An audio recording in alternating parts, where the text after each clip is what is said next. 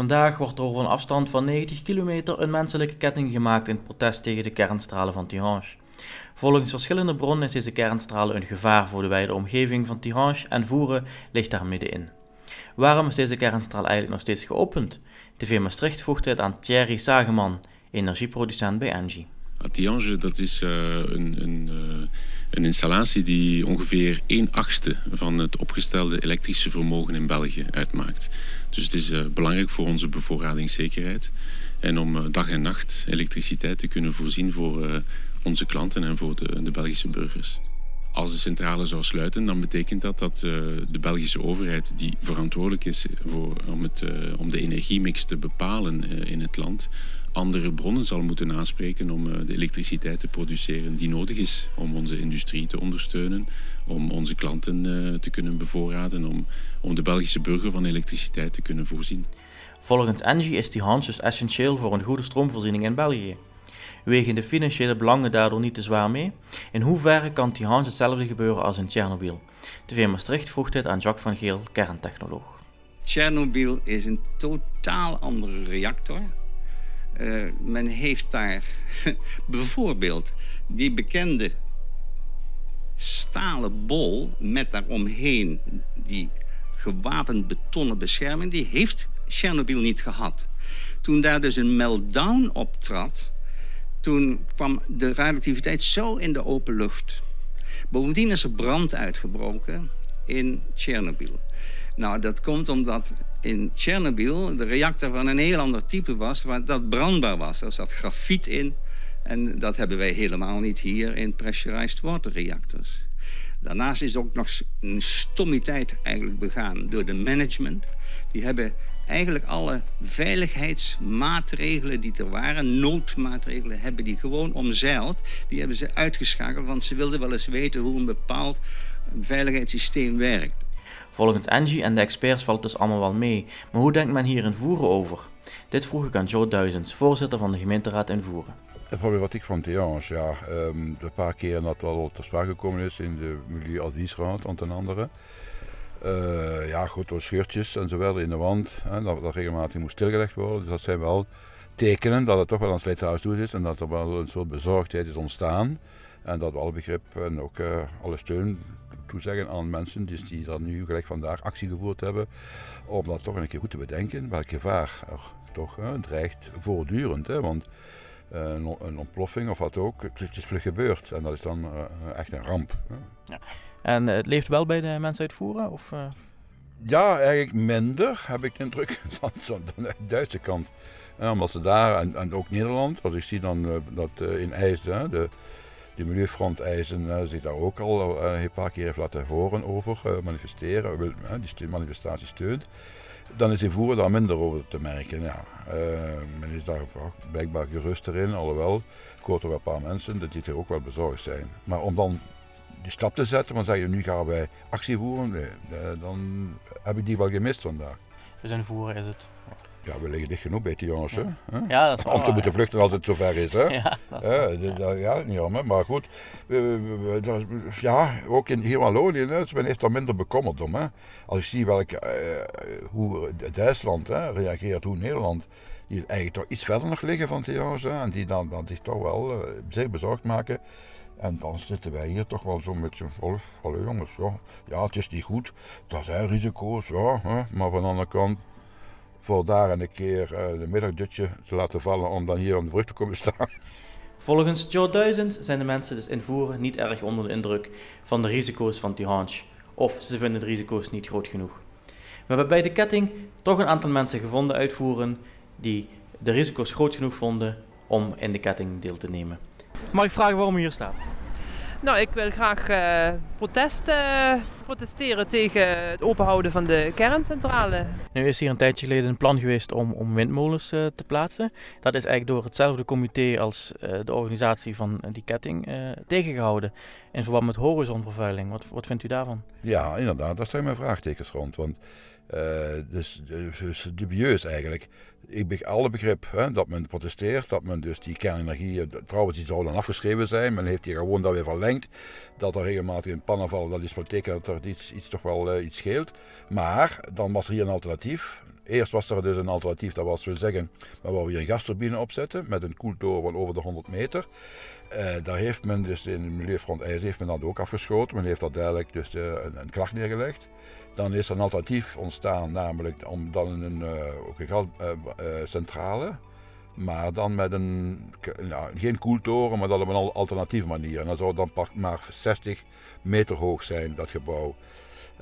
maar dat is er vandaag niet gekomen want dat was toen gepland dat dat toch na twee jaar al de bouw zou beginnen, maar dat is dus niet gebeurd. En dan de laatste was dus uh, invoeren heeft men een paar, op nog meer plaatsen hoor, uh, gevraagd om dus windturbines te zetten. Een Shoppermond en andere. En dat is door de gemeente radicaal afgewezen ook, op advies van de Milieuadviesraad. En hier is dan een laatste voorstel geweest om er hier drie in te planten. En uh, daar had de gemeente geen bezwaar tegen, ook de, de Milieuadviesraad. En dan is het wel Milieufront hè, die dan toch weer klacht neerleggen en dan uh, dit afwijzen als milieuvervuiling. Ja, dan stellen we vragen rond van, jongens, wat willen we dan? Hè? We willen uh, groene energie, maar dan moeten we, we zitten hier aan groene energie, hier, de, hier is een centrale met vier turbines, waarvan er te weinig maaswater is om ze alle vier te doen draaien. Maar ja, goed, dat is een goed initiatief. Hè. We trekken ook stroomkabels, dus dat is proper, hier is geen schoorsteen. Maar dan, als dan uh, die, die windmolens, ja, dan worden die afgeschoten het comité wat hier de ketting heeft georganiseerd, die heeft ook uh, uh, tegengehouden dat hier windmolens kwamen. Dus dat is, is een beetje tegenstrijdig. Ja, dat klopt, want hier loopt de grens. Ja. En daar is België en hier is Nederland. Ja. En als België mooie windmolens wil neerzetten, dat mag. Maar dus, dat is op een eigen grondgebied. Overal langs de grens, zowel in, met, met Duitsland als met België, staan overal windmolens. En in België zie je bijna nergens windmolens, alleen op de grens. Dus het, het horizonvervuiling van, van, van de Belgen en niet van de Nederlanders. Ah, dus u vindt uh, windmolens goed, maar niet mijn eigen achtertuin? Niet van de buren, nee. Laat ik het dan zo zeggen. Van de, van de buitenlandse buren. Niet van de buitenlandse buren. Nou ja, we kunnen over alles wel gaan, uh, gaan klagen. Maar uh, er zal een alternatief moeten komen. Als we de kerncentrale niet meer willen, zal er iets anders moeten komen. Ja, dus als u moest kiezen tussen kerncentrale in Tihange of hier windmolens om de hoek, dan zou u kiezen voor windmolens om de hoek? Zet maar windmolens om de hoek. Ik mag er bij mij rustig een pijn in de tuin zetten. Zoals je hoort zijn er zowel voorstanders als tegenstanders van de sluiting in Tihange. Maar de meeste meningen zijn vooral gebaseerd op gevoel. We hadden een gesprek met Robert Teunissen. Hij is student in Brussel en is vooral geïnteresseerd in de hele situatie bij Tihange en Doel. We vroegen aan hem of Tihange nou moet sluiten of moet open blijven. Op het gebied qua uh, kernenergie zou ik zeggen, uh, of van het energieprobleem zou ik eigenlijk zeggen, nee, uh, Doel en Tihange zouden niet moeten sluiten. Op het andere gebied, en dan spreek over het gebied veiligheid, zeg ik ja. En nu waarom? Wel, het ding is, er is eigenlijk rond het doel anti-house, want je kunt zeggen allebei op dezelfde kaart smijten, is eigenlijk een heel politiek probleem dat, is, uh, dat er is en niet een energieprobleem. Uh, het energieprobleem dat men altijd zo veel aankaart en de reden is voor wat ze er wel in staan, is eigenlijk niet zo reëel meer als men eigenlijk denkt. Men denkt allemaal, uh, iedereen denkt dat er veel te weinig energie ter beschikking is hier in België. Wat eigenlijk niet zo is. Windmolens beginnen meer en meer overal te gezet te worden. Meer en meer zonnepanelen dat met een heel grote energieboost zitten van de groene energiekant. We zitten met redelijk wat centrales, praat ik over uh, gascentrales of steenkoolcentrales, allemaal ondertussen ook eens uh, steenkoolcentrales. Zo tussen ook. Maar er zijn nog genoeg uh, gascentrales en dergelijke alternatieve energieën die veel die eigenlijk het heel net zijn aan het opvangen. Dus nu waarom zou Blue en TH open moeten blijven en waarom toe? De reden voor uh, TH eigenlijk zou moeten sluiten is, uh, de centrales zijn oud en je hebt twee keuzes wat er kan gebeuren met die centrales. Ofwel moeten ze sluiten, ofwel moeten ze gereviseerd worden, daarmee bedoel ik afgebroken worden en nieuw gezet worden. Waarom? Uh, ja, iedere centrale als gezet wordt, heeft een bepaalde levensduur. Nu, die levensduur is overschreden en dan beginnen de kosten van onderhoud te hoog te worden. Nu, waarom zouden ze aan de andere kant zouden moeten open blijven?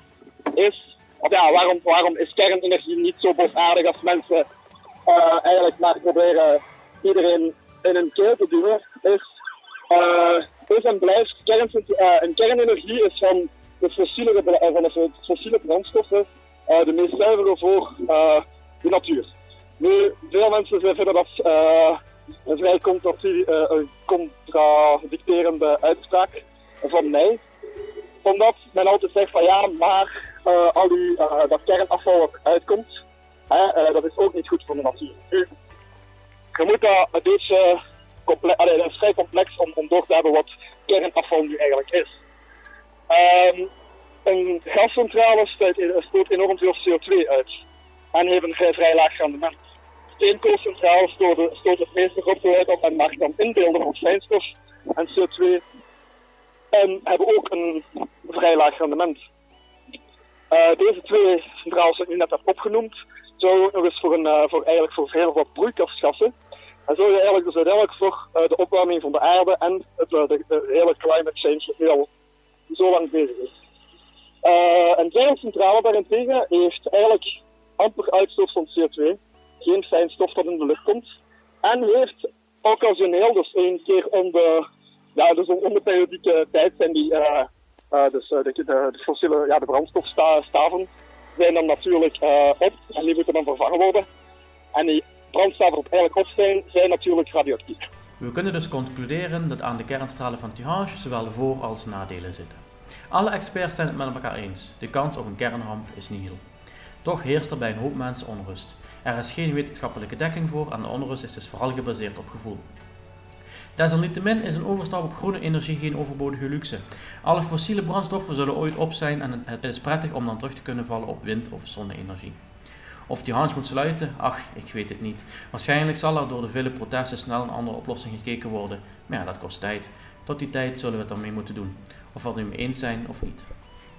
Bedankt aan TV Maastricht voor de gesprekken met Engie en kerntechnologie en bedankt aan Robert Teunissen voor een duidelijk beeld van beide kanten van het verhaal. Bedankt aan Joe Duizends voor een gezamenlijk inkijk in deze zaak en bedankt voor alle overigen die ik kort gesproken heb.